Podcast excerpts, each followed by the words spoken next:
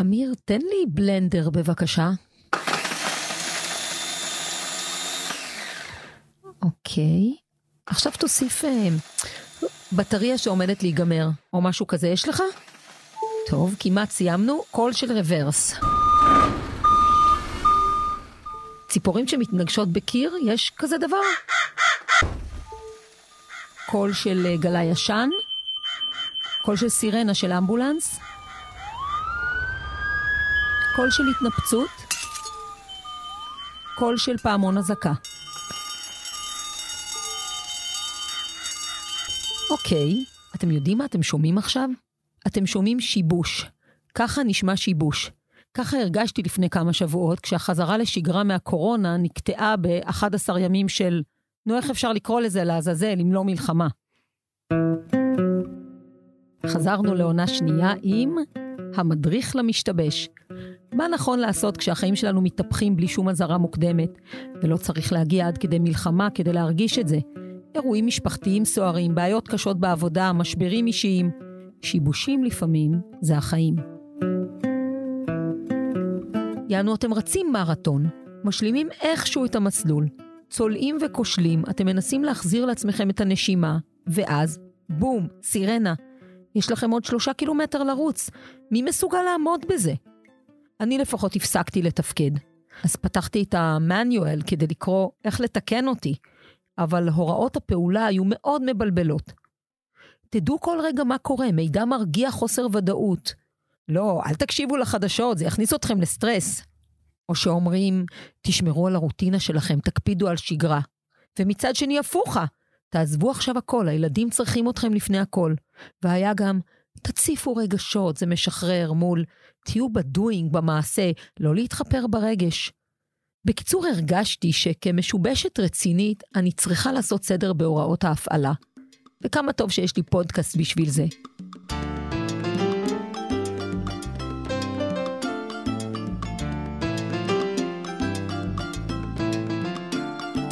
כן, אני רותי רודנר, ואנחנו שוב ב-25 שעות ביממה, ההסכת שעוסק בניהול החיים על ציר הזמן ומופק בשיתוף עיתון הארץ. חזרנו לעונה שנייה עם המדריך למשתבש. בשביל המדריך למשתבש צריך אנשים מיומנים בשיבושים. יהיו פה פסיכיאטר שיתרגם בשבילנו רעיונות שפותחו בעבור ילדים על הספקטרום, שרגישים אפילו לשינויים מאוד קטנים במחוג השגרה. תהיה פה מי שניהלה את היומנים הכי עמוסים במדינה, של ראשי ממשלה, שרים ונשיא המדינה, יומנים שמתהפכים כמו החיים שלנו בן לילה. אבל נתחיל בהיכרות עם אחד מסיפורי החיים הכי יוצאי דופן שפגשתי. פרופסור נחצ'ה נשר, מנהל היחידה לכירורגיית חזה זער פולשנית בבית החולים איכילוב, כלומר, ניתוחי ריאות ולב בטכנולוגיה של רובוטיקה ומצלמות. נספר כבר שבשלהי מלחמת לבנון הוא נשבע בידי הסורים, אבל זאת רק ההתחלה של הסיפור במקרה שלו. בואו נגיד ככה, חיפשתי לראיין מישהו שבאמת אין יום בחייו שבהכרח ייראה כמו היום שלפניו, תגידו לי אתם אם מצאתי. איך אתה, עם באמת ניסיון החיים המאוד יוצא דופן שלך, שנגיע אליו תכף, איך אתה חווה את הימים האחרונים במדינת ישראל? אני לא מטולטל, אני רגיל בטלטלות. Back and forth, להיות פה ועוד דקה להיות במקום אחר. הילדים לא, ואני רואה את זה על הילדים שלי הקטנים, יש לי חמישה ילדים, שניים מהם קטנים, שמונה וארבע עשרה. אני רואה את החוויה שלהם בטלטלה הזאת, וגם הם, כמו שאמרת, היו שנה בבית, יצאו לחופשי והחזירו אותם לצינוק. אתה מסוגל להתחבר לחוויה שלהם, אולי של הבת זוג שלך, שבאמת אה, דברים שאולי נראים לך טוב, אז תהיה אזעקה. בשבילם הם ממש איזה הר געש שעומד להתפרץ ומכילים אותו בפנים? אני מנסה לגייס את כל האמפתיה וכל הסבלנות בלנסות להבין מה עובר עליהם. להגיד לך שזה מאה אחוז עובד, זה לא. מתי הפעם האחרונה שאתה באופן אישי הרגשת רגע, אני רק מסבירה למאזינים שלנו, אנחנו פה באמצע בית חולים וממש שלפתי אותך רגע לפני ניתוח, אתה כבר עם נכון. החליפה, כן. עם הסוואטשרט, בגלל שקר אצלכם בחדרי ניתוח. חדר ניתוח מוות. רק לא צריך הרדמה, לדעתי אתם פשוט מקפיאים את החולים, ואז הם מפשירים למעלה. נכון. אז אה, מתי אתה ככה יכול לשחזר שבאופן אישי בגלל משהו שקרה במישור הלאומי, אולי המשפחתי, אבל באמת אתה חווית סטרס חזק של שיבוש, ככה בזיכרון שאתה שולף יחסית מהר. אני, אני, האמת, האמת היא שאני, הפתעת אותי, היית צריכה להכין אותי לגבי השאלה הזאת, אני, אני מתקשה לראות את הסטרס קורה, בטח לא בשנים האחרונות, מאז שאני לא נמצא ביחידה, אז... היחידה? יחצה, נגיע אליה מיד. זה הרבה יותר רגוע. אבל צריך להבין שהסטרס הוא מנת חלקי ברמה היומיומית. תנסי לדמיין לעצמך כמעט יום-יום, להיות בתוך הלב והריאות של אנשים, איפה שאין מקום לטעויות. ופתאום אתה עושה איזו תנועה לא מכוונת, או היה שם איזה כלי דם לא מתוכנן, ופתאום פורץ לך דם בכמויות שכמעט אתה לא יכול להשתלט עליהן, ואתה מרגיש שאתה הילד עם האצבע בסכר, ותעשה את התנועה הלא נכונה, או את החישוב הלא נכון, והחולה שלך ימות. כל ניתוח שאני יורד אליו, אני נלחם על חייו של אדם. ואני חוזר, ואני מנקה את הקקי והפיפי של הכלבות. ואני חוזר לחדר ניתוח, ואני חוזר למעלה למוסך של האוטו. והדיסוננס הזה, או המרחק הזה, או המעברים האלה, הם משהו שהוא מנת חלקי יומיומית. אז אנחנו רגע מפה חוזרים בעצם אולי למה שבדמיוני לפחות הוא המעבר הכי גדול של החיים שלך, אבל אולי אני טועה בעניין הזה, זה המעבר בין שבי אצל הסורים, חזרה לחיי שגרה. כלומר, האם זה שטחי מצידי להניח שבתור מי שעבר כזה מעבר, בעצם היכולת שלך מאז לעשות מעברים היא יכולת מאוד מחוזקת בגלל החוויה הכל כך נדירה ו- ו- ומטלטלת. ו- את פגעת, ב, את פגעת בדיוק, בדיוק בנקודה, בצורה יוצאת דופן. את לא התייחסת, בניגוד לרוב האנשים, לשבי. את התייחסת למעבר. ואני מחזיק על שולחני. אנחנו כן, רגע קמים. כן. תסתכלי על התמונה הזאתי. זאת תמונה של המפגש הראשון של אימא שלי איתי אחרי שחזרתי מהשבי. תסתכלי על העיניים שלי. זה כאילו לא אותו אדם. ממש לא. אז זה המעבר. ספר לי על ה... זה המעבר. וואו. אתה לא מסוגל להכיל את הסיטואציה. אדם לא מסוגל להכיל את הסיטואציה הזאת. אני חושב שהיכולת שלי לנווט את המעבר הזה בצורה נכונה, מה שהביא אותי בסופו של דבר למקום שבו אני נמצא היום, הוא גם זה שמאפשר לי לעשות את אותם מעברים על בסיס יומיומי, כמעט על בסיס יומיומי, לעסוק בהצלת חיים הירואית, חסרת פשרות, חסרת יכולת לטעויות, בלתי נסבל, טעות שם היא בלתי נסבלת, לעומת ללכת לקנות חלב וביצים בדרך בחזרה הביתה. וזה אותו בן אדם בין שני המקומות האלה? אשתי נוהגת לומר, תקשיב, זה לא ניתוח לב, תירגע, תוריד. אם לא סידרו את זה כמו שצריך, אם לא צבעו את זה כמו שצריך, אם לא תיקנו את זה כמו שצריך, אם לא זה א', ב', דבר שמביא אותי לחוסר פשרות חולני, ולכך שאני עושה את הכל לבד. אני האינסטלטור של הבית, אני הבנאי של הבית, אני השיפוצניק של הבית, אני מכונאי. אני יודע מכונות, אני משפץ מכוניות עתיקות. חוץ מבמטוסים, אני מבין כמעט בהכל ואני עושה את הכל לבד. נשמע בהקשר הזה שיצר ההישרדות שלך הוא כאילו מפותח, זאת אומרת... שוב קלט בול. הישרדות זה שם המילה. אני חרדתי הישרדותי. שאלת מה הבאתי מאותו אירוע? את החרדה ואת ההישרדות. אני נפלתי בשבי בגלל טעות של הבוסים שלי ובגלל העובדה שנתתי את אמוני בכוח החילוץ הלבנוני שהיה שם בגזרה, והם אלה שהסגירו אותנו למעשה לסורים. מאז אין אמון, מאז הכל הישרדותי, מאז כל דבר הוא חרדתי. קצת שואתי. בנקודה שבה אתה חוזר מהשבי, כמה ימים היית בשבי? שלושה חודשים. שבתוכם בעצם מתגבשת, בוא נקרא לזה סוג של רוטינת שבי? זהו, שאני ניסיתי ליצור רוטינה במקום שעדיין לא הייתה לי רוטינה. כי בשבי, אה, התקופה הראשונה נסובה סביב החקירות. ובחקירות אין רוטינה, אתה יכול להיחקר באופן רצוף 12 שעות, ואחר כך ששלושה ימים לא ייגעו בך. ואז באמצע הלילה לוקחים אותך. תוסיפי לתוך זה שבתוך זה נפל גם חודש הרמדאן, אז גם אוכל נותנים לך מתי שהם אוכלים. וכל הסיפור הזה הוא נמצא מתחת לאדמה, אז אין לך באמת חלון שאתה יודע מתי יום, מתי לילה. אז בתוך הטירוף הזה, אתה מנסה למצוא דברים יציבים, כמו מתי בוקר, מתי לילה, לזהות את זה לפי החלפה של משמרות הסוהרים, לכסות את המנורה שדולקת 24-7 בתא בלילה כדי ללכת לישון בלילה. Mm. מתי שאתה מבין. שאתה חושב שלילה. שאתה חושב שלילה. לעשות ספורט. הייתי עושה מאות שכיבות צמיחה. אתה פתאום מבין שיש פה שיטה. ושאתה צריך לפצח את השיטה כדי לשרוד, כדי לחיות. אז הוא חוזר מהשבי והולך ללמוד רפואה. מזמן לעצמו בכוונה הזדמנויות להיות באופן יומיומי על הקצה שבין חיים למוות. הפעם מהצד הנכון. זה מה שרצית להיות כשתהיה גדול, רופא, או שזה יתעורר אחרי השבי? הייתי פצוע שם קצת מהחקירות, לקחו אותי להיבדק איזה רופא שפתאום דיבר איתי. הוא לא היה mm-hmm. מי יודע מה נחמד. גם לא נראה לי גם, היום בפרספקטיבה בטח, מי יודע מה מקצועי, אבל הוא דיבר איתי כבן אדם, הוא שלח אותי לבית חולים.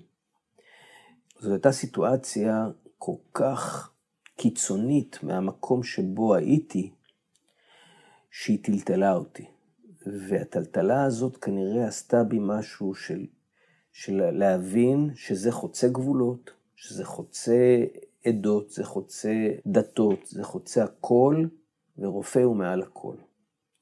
הוא לא הצליח ליצור בעצמו טינה אליי כדי להיות אליי מספיק רע. אבל התמחות בכירורגיית לב, משמרות רצופות של 72 שעות, בית עם תינוקת בכורה, זה לא מספיק על הקצה. אז נחת שמתנדב כמילואימניק ליחידה חדשה שמוקמת בצבא, היחצה, יחידת חילוץ הארצית, אבל בעצם הבינלאומית. סיירת החילוץ שהפכה להיות התרומה המאוד מפורסמת של ישראל לכל אתרי האסונות הנוראיים שאתם זוכרים מהחדשות. אלפי אנשים לפעמים שקבורים ימים תחת הריסות. והיעד הראשון שהוא מוקפץ אליו, ניירובי, קניה. שם ב-1998 מפיל ארגון הטרור אל-קאעידה את בניין השגרירות האמריקאית. מה אתה עוזב פה כדי להיתקע בניירובי? כמה זמן הייתם שם? 11 יום. איזה מחיר אתה מוכן לשלם כדי לעלות ואימה, להידחס? אמרת לי אתמול שממש ישבת על הכנף של המטוס. אני זוכר את השיחה עם מנהל המחלקה. קודם כל מנהל המחלקה, המיתולוגי, הפאודל, ש... הוא בכלל לא מבין מה אני אומר לו.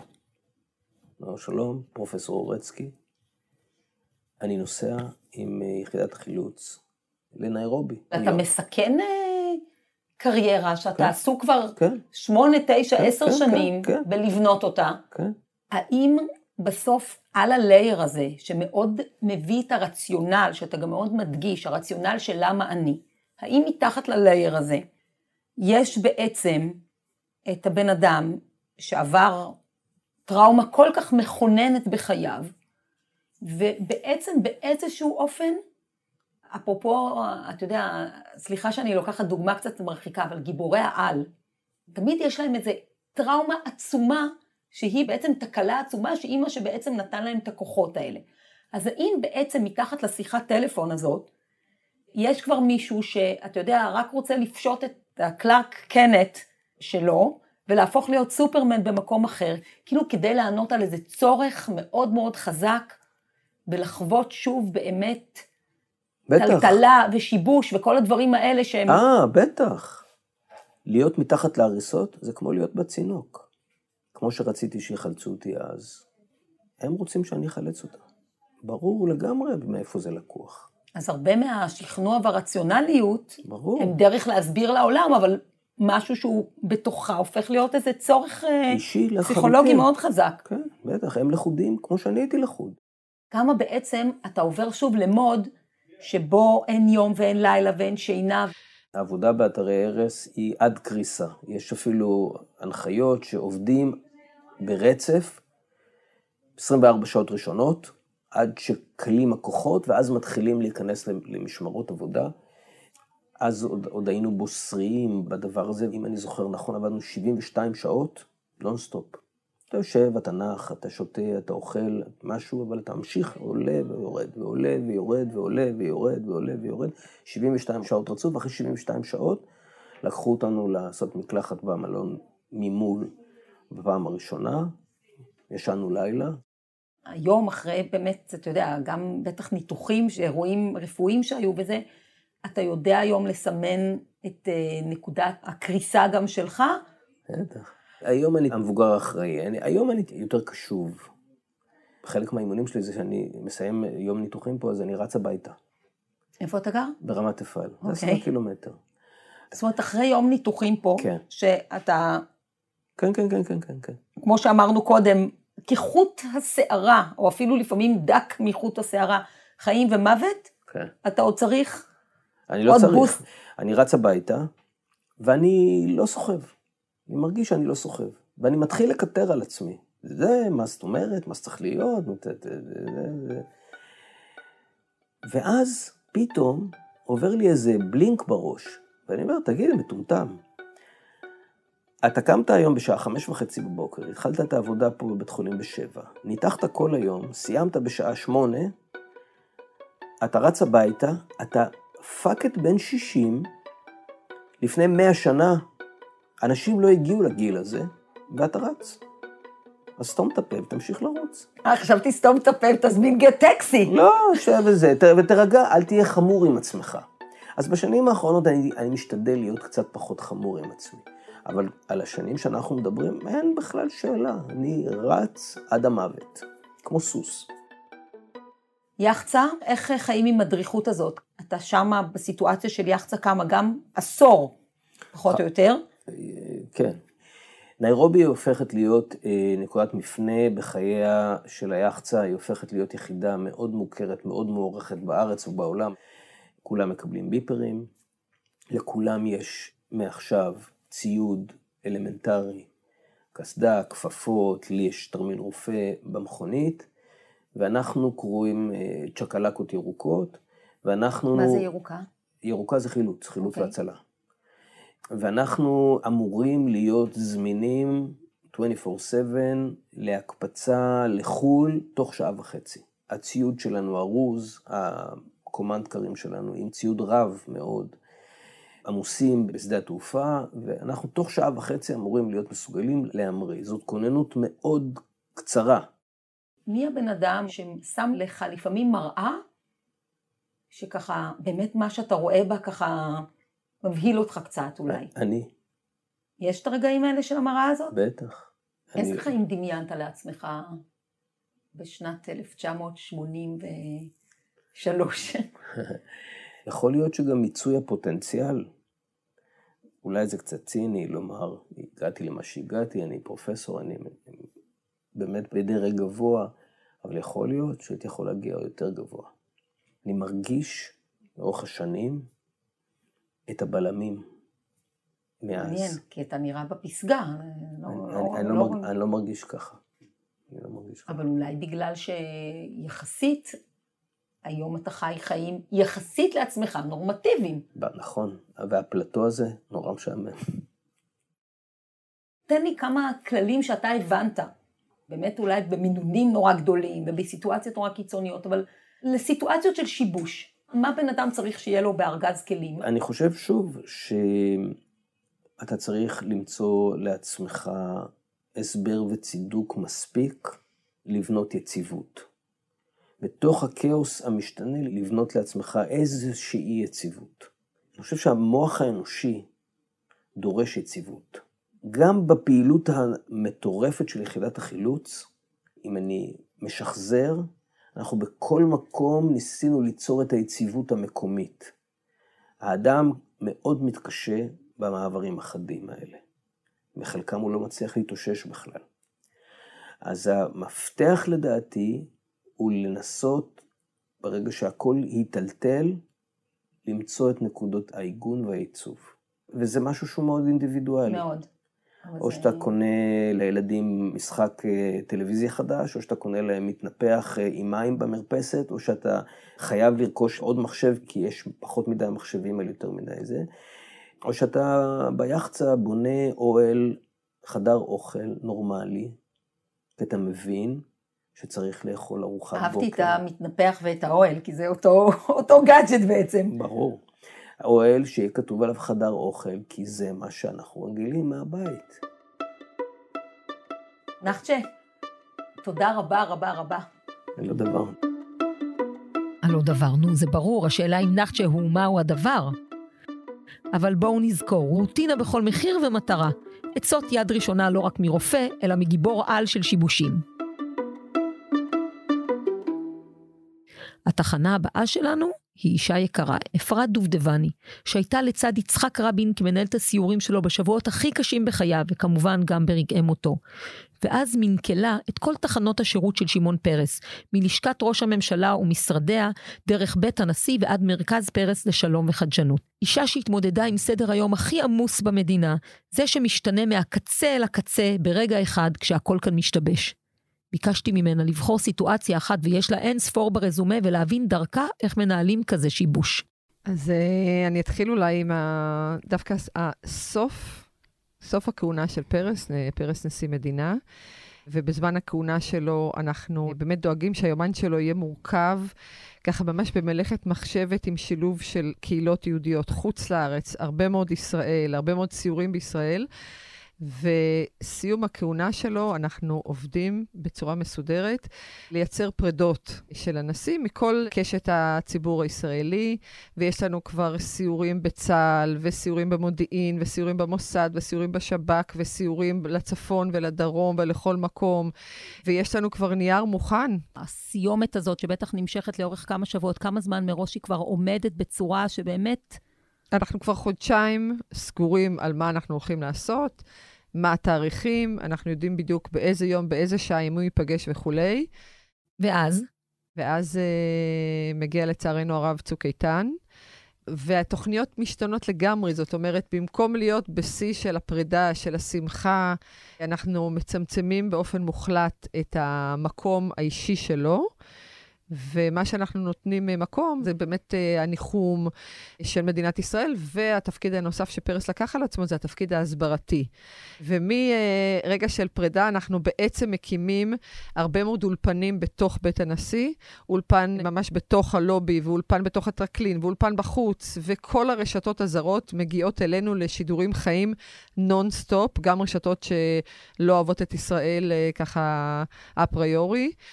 אני רוצה רגע שתתארי לי, בתור מי שאת יודעת, צריכה לנהל את התזמורת הזאת, תנסי ממש לעשות לי הדמיה okay. אוקיי. של הסיטואציה הזאת.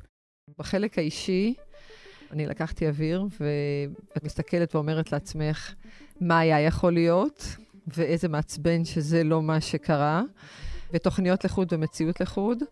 יש פה גם שריר, דרך אגב, שצריך לאמן אותו, ואפשר לאמן אותו, השריר הזה של ההסתגלות mm-hmm. למצבי uh, משבר ו- mm-hmm. ושיבושים ואיך מתנהלים בתוך uh, משברים. אז אומרים, practice makes perfect. פה זה אחד הדברים שבא לידי ביטוי, שאתה צריך לתפוס את עצמך רגע ולשים הצידה את הרצונות שלך ואת האכזבות שלך וכולי. אני מאוד מאמינה בעבודת צוות, מאוד מאמינה, בעיניי זה אחד הדברים הכי חשובים שיש. אם אתה לוקח איתך אנשים uh, להמראה, אתה בוודאי יודע שהם יהיו איתך גם בנחיתה. זה אני משפט, תמיד אומרת וואו. לאנשים, אני משתפת את הצוות ישר מההתחלה, אני משתפת אותם באכזבות, אבל גם במיד שהנה, זה צריך לשנות פאזה וצריך עכשיו לעבור כיוון ומה אנחנו עושים. אנשים מתחברים לזה מאוד טוב, אנשים מבינים את הצורך. דווקא בתוך כאוס צריך לקחת בחשבון שאנשים, uh, חשוב להם יותר אולי, יותר מתמיד, הסיפור הזה של מסגרת. Mm-hmm. זאת אומרת שיש משהו משברי, הדבר האחרון שאתה רוצה זה לתת לאנשים להתפרק וללכת כל אחד למקום שלו. אתה מכנס את האנשים, אתה נותן להם את המסגרת הזאת שביחד. אתה מאוד מקפיד על ה... ישיבות צוות שגם ככה נמצאות ביומן. אבל לא הכי קל פשוט להוריד את כולם מהראש שלך ולהתחיל לרוץ, כאילו זה, את יודעת, מאפשר לך הרבה יותר לפעמים לתקתק, להיות גמיש בהחלטות שלך, את יודעת... אה. אני לא, אני לא מאמינה בזה. אתה צריך אותם איתך כבר בהתחלה, ואתה צריך שירגישו אותך מההתחלה. אבל הדברים צריכים להיות מאוד ברורים. זאת אומרת, אה, לצד הכאב, זה מה שיש, צריך לצאת לדרך, וכולנו ביחד בתוך הסיפור הזה. את אה, מנהלת הסיורים של אה, רבין בשיא כהונתו כראש ממשלה ובשיא המחאה נגדו בכבישים ובצמתים, באמת נמצאת בקלחת הכי רותחת, ופתאום היריות ששינו את, את החיים של כולנו לנצח, זה הפעם הראשונה בעצם שאת נדרשת למערכת הזאת ש-20 שנה אחר כך את כבר כל כך מתורגלת בה? ספרי לי על ה-change הזה שקורה שם. השריר שלי אז לא היה, שריר ההתמודדות עם אה, שינויים והשיבושים, כמו שאת קוראת לזה, לא היה מאומן עד כדי כך, וכשאתה לא מאומן ומיומן בעניין הזה, זה יכול לייצר אה, ממש טלטלה נפשית. שבועיים לפני רצח רבין, אנחנו בווינגייט, ורבין מוזמן שמה לאירוע, קראנו לזה המימונה של אשכנזים. רבין מגיע, ובמקום uh, קהל שאמור לקבל אותו בשמחה רבה, כי הנה ראש הממשלה נענה להזמנה, מקיפים את הרכב שלו עשרות רבות של מפגינים עם ילדים על הכתפיים שלהם, וממש מתקרבים אליו. אז לא הייתה הבטחה, כמו היום. מנסים להקיף אותו, ומנסים לבעוט בו ברכב ובגלגלים של הרכב. ואני זוכרת את עצמי אז ככה בעצמי תופסת אנשים ומרחיקה אותם ומזיזה אותם ו- וצועקת. אז תכננו שיהיה אירוע מקסים ויפה, ושרבין על הבמה, ואחר כך יסתובב בין הדוכנים, אבל הנה, שיבוש מספר אחד, אתה חייב לשנות, חייב לקחת אותו למקום אחר, כי אתה מרגיש שיש פה סכנה על החיים שלו, ש, שמתקרבים מדי, שרצית משהו אחד ואתה לא מקבל את זה. אז לקחנו את רבין... אה, אבל uh... מה את חווה ברגע הזה, באופן אישי? קודם כל, אתה נעמד uh, מול עצמך עם ציפיות, וההתרסקות של הציפיות, אתה שומע את השבירה של mm. הזכוכיות האלה שככה מתנפצות על הרצפה של מה שציפית ומה שיש בפועל. ויש כמובן את האכזבה. כשאתה מיומן יותר, בעיניי, אתה לומד דווקא לשחרר. אתה לומד לשחרר ולהבין ש... שמה שקורה עכשיו הוא לא כל כך בר משמעות, מה שמשנה זה הדברים באמת הגדולים יותר. חוץ מניסיון, יש עוד כלים שעזרו לך ללמוד איך לנהל את עצמך ואחרים בזמן של שיבוש, של משבר? אני אוהבת ללמוד מאנשים, והאמת היא שאני נהנית שיש אנשים הרבה יותר חכמים ממני שנמצאים לידי. אני תמיד הקפתי את עצמי באנשים אה, שהם חכמים ממני, ואני יכולה ללמוד מהם.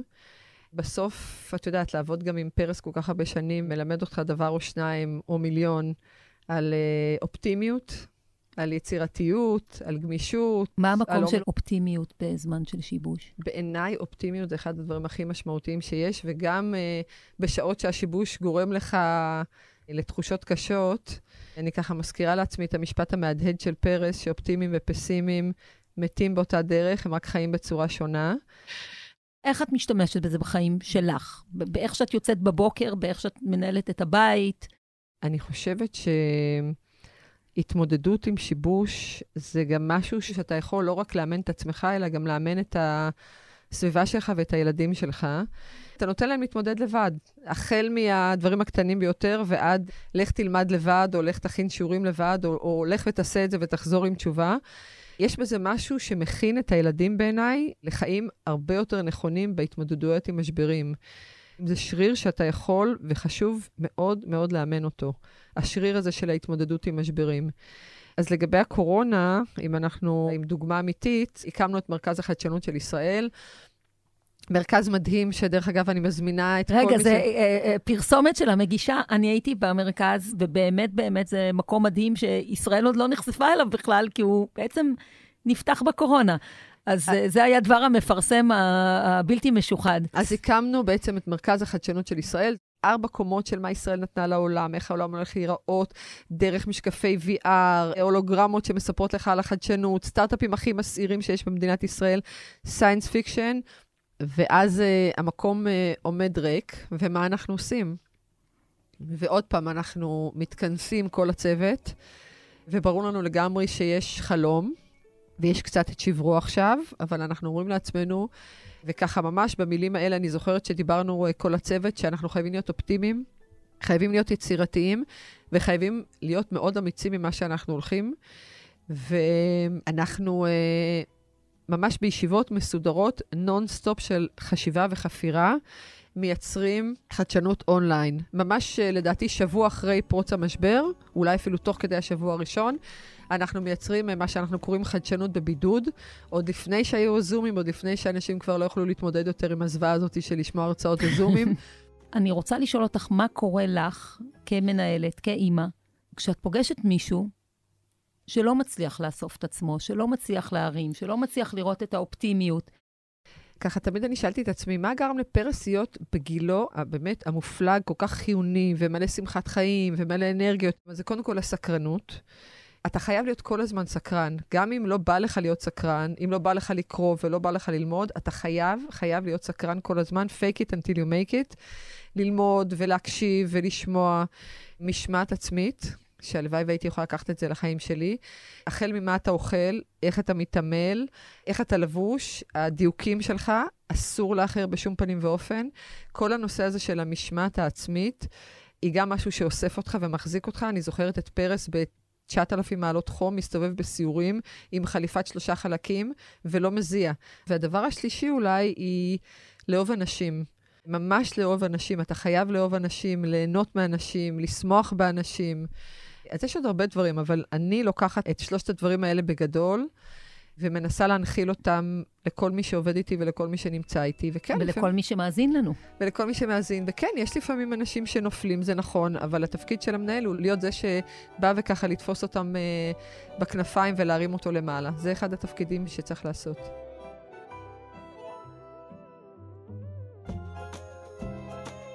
מאפרת לקחתי למדריך שלנו את המשפט המדהים, מי שאתה לוקח איתך בהמראה, יהיה איתך בנחיתה.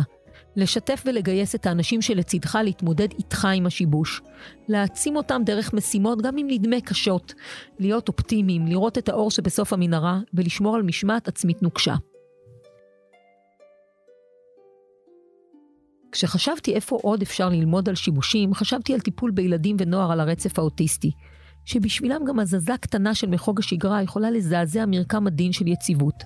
שאלתי את עצמי, אולי יש מה ללמוד מהם, כלומר, לא את עצמי, אלא מישהו שמבין בזה, דוקטור חגי מעוז, פסיכיאטר ומנהל מחלקה במרכז לבריאות הנפש שלוותה מקבוצת כללית.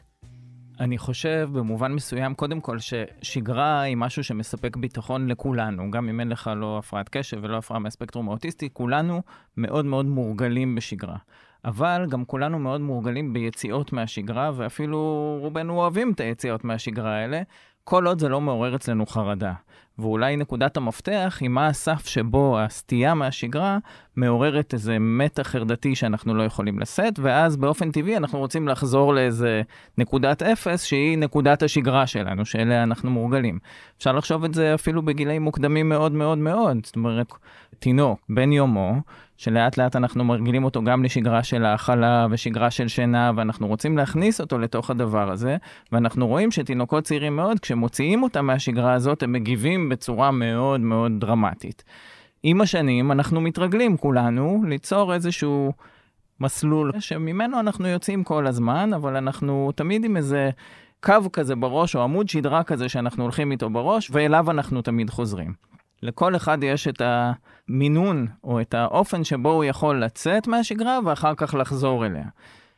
המלחמה הזאת שקרתה לנו, היא יציאה דרמטית משגרה. היא לא במקום אה, מה שתכננו לעשות, אנחנו במקום ללכת לסבתא, אנחנו עושים אה, משהו אחר, ובמקום זה אנחנו הולכים לבריכה, ובאמת ילדים עם הפרעות מהספקטרום התקשורתי הרבה פעמים לא יכולים לשאת אפילו יציאות כאלה משגרה.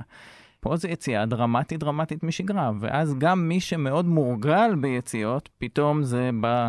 בגלל זה חשבתי שיש עולם טיפולי שלם שנועד לסייע לאנשים שבאמת צריך הזזה מאוד קטנה של המחוג כדי שהם יחוו שיבוש, אבל אולי זה הרגע להשתמש בכלים שפותחו לטובתם, גם לטובתנו, כי המחט של כולנו כבדי משקל. אז אם ננסה לצייר בדמיון שלנו מין משולש כזה, שיש בו את הרגש שלנו ואת ההתנהגות שלנו ואת המחשבות שלנו. זה משולש של שלושה דברים שמקיימים דיאלוג כוללני ביניהם, בין ה- כל מה שאנחנו חושבים לבין האופן שאנחנו מתנהגים ובין התחושות שהדבר הזה מייצר אצלנו. ושלושת הדברים האלה, רגש, מחשבה והתנהגות, הם משפיעים מאוד אחד על השני. כל אחת משיטות הטיפול שיש, גם בהקשר הזה של אנשים שה... היציאות האלה משגרה מעוררות אצלם מתח חרדתי מאוד מאוד גדול, כל אחת משיטות הטיפול מבוססת על אחד משלושת קודקודי המשולש הזה.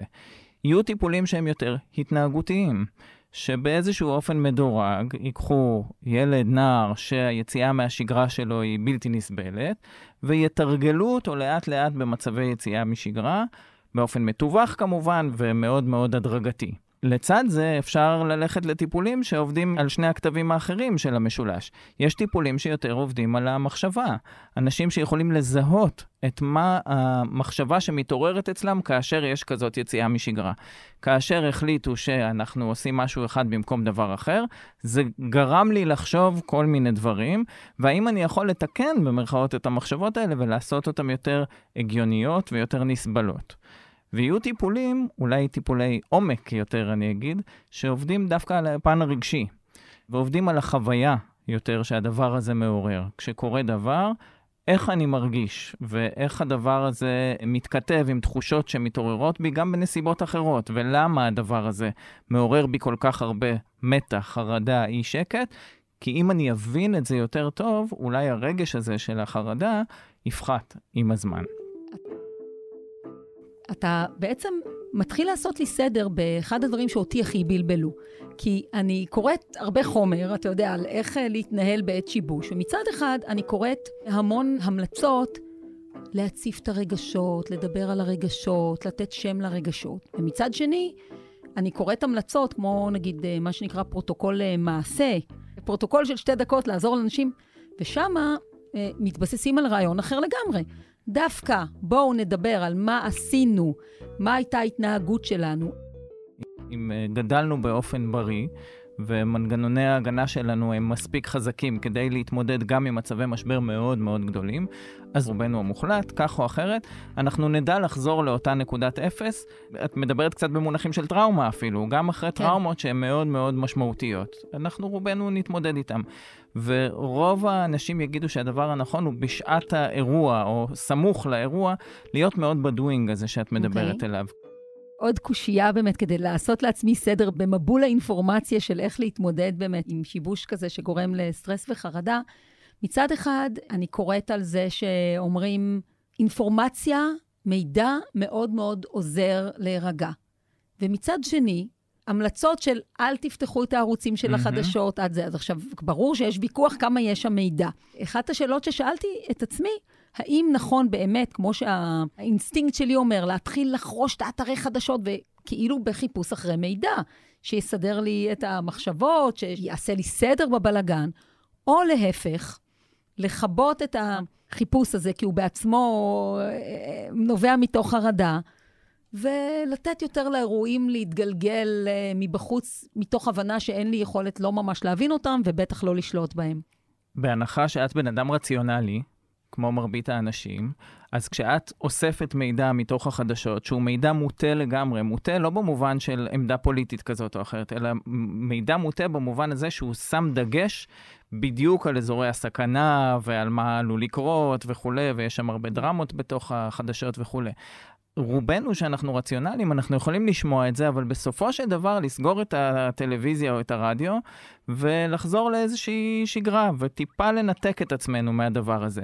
ואם ננסה לחשוב במונחים יותר הגיוניים, אז אנחנו נגיד, נכון, שמעתי עכשיו בחדשות את הדברים הדרמטיים האלה, אבל בסופו של דבר, באמת, הסיכון ל-1, 2, 3, 4 הוא מאוד מאוד נמוך, כי אנחנו אנשים רציונליים, וגם אם אנחנו לא מחשבים סטטיסטית, אנחנו עושים את זה, ואנחנו כן יודעים לעמוד את מידת הסכנה שבה אנחנו נמצאים. למי לא טוב לפתוח את החדשות יותר מדי? למי שלא מצליח להתנהל בתוך הרציונליות הזאת, ושהדבר הזה מעורר בו חרדה כזאת, שגם כשהוא סוגר את הטלוויזיה או את העיתון או מה שזה לא יהיה, הוא ממשיך להישאר עם הדברים האלה בתוך הראש.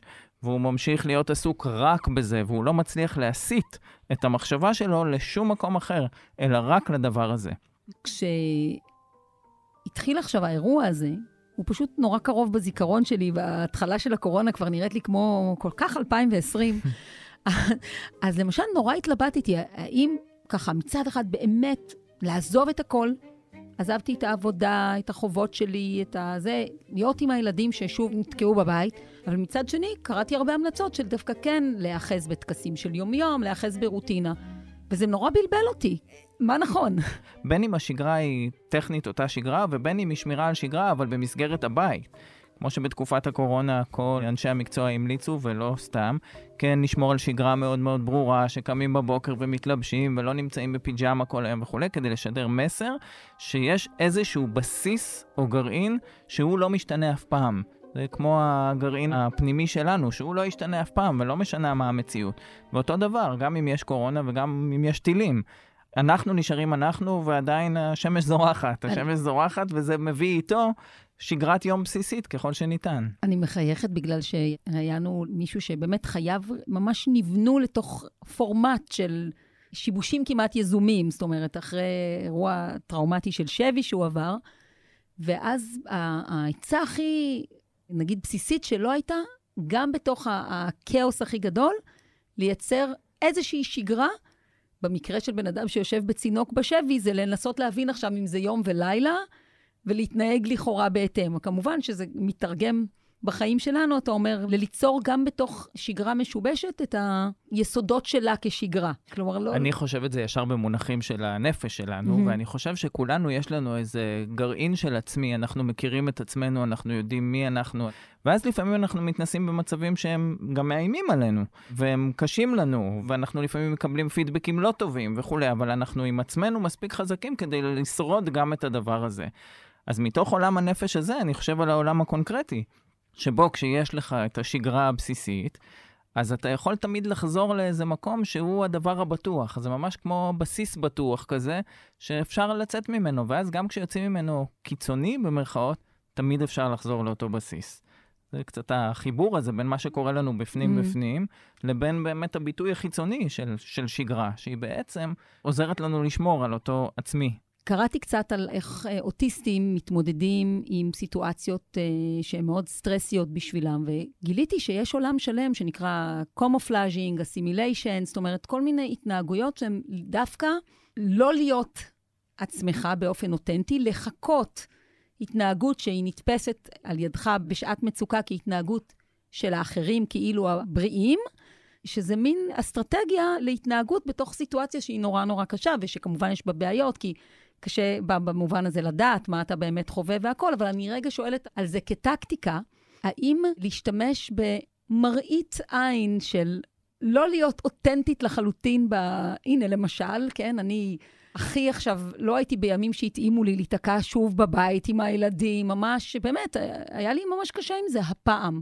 אפרופו הקילומטר 45 mm-hmm. של המרתון. אז האם להעמיד פנים של להיות uh, אמיתית וכנה ולהגיד, תקשיבו, הפעם אין לי כוח לזה.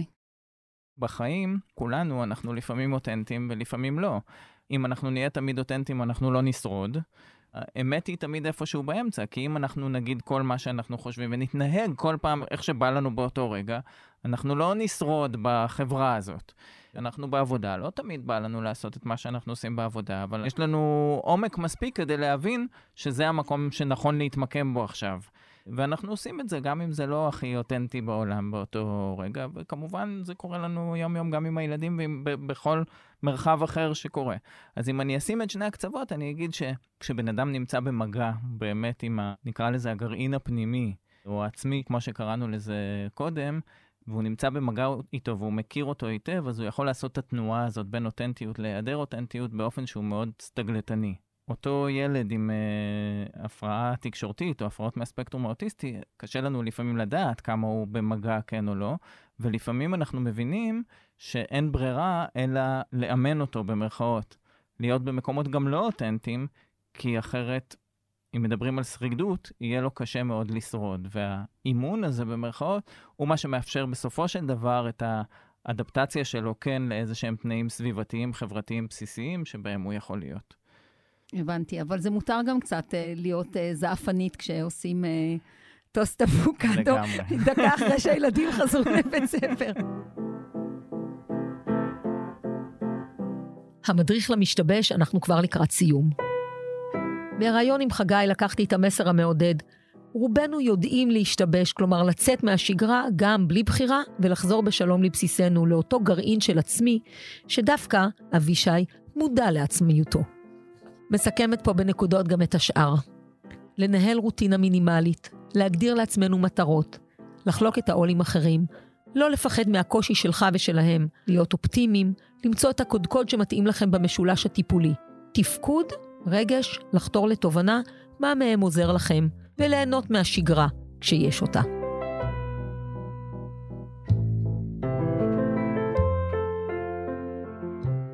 עד כאן הפרק הראשון של העונה השנייה של 25 שעות ביממה, הפודקאסט על זמן ואיך להתנהל בתוכו. תודה לאמיר פקטור, מפיקי ועורכי, ולצוות הפודקאסטייה. אני רותי רודנר, ואפשר להאזין לנו באתר הארץ, בספוטיפיי, גוגל פודקאסט, אפל פודקאסט, ובאתר שלי 25 hours a day. בפרקים הבאים, על חרדת הפספוס וחרדת ההחמצה, על איך בונים סדר יום ואיך יוצאים לחופשה. להתראות.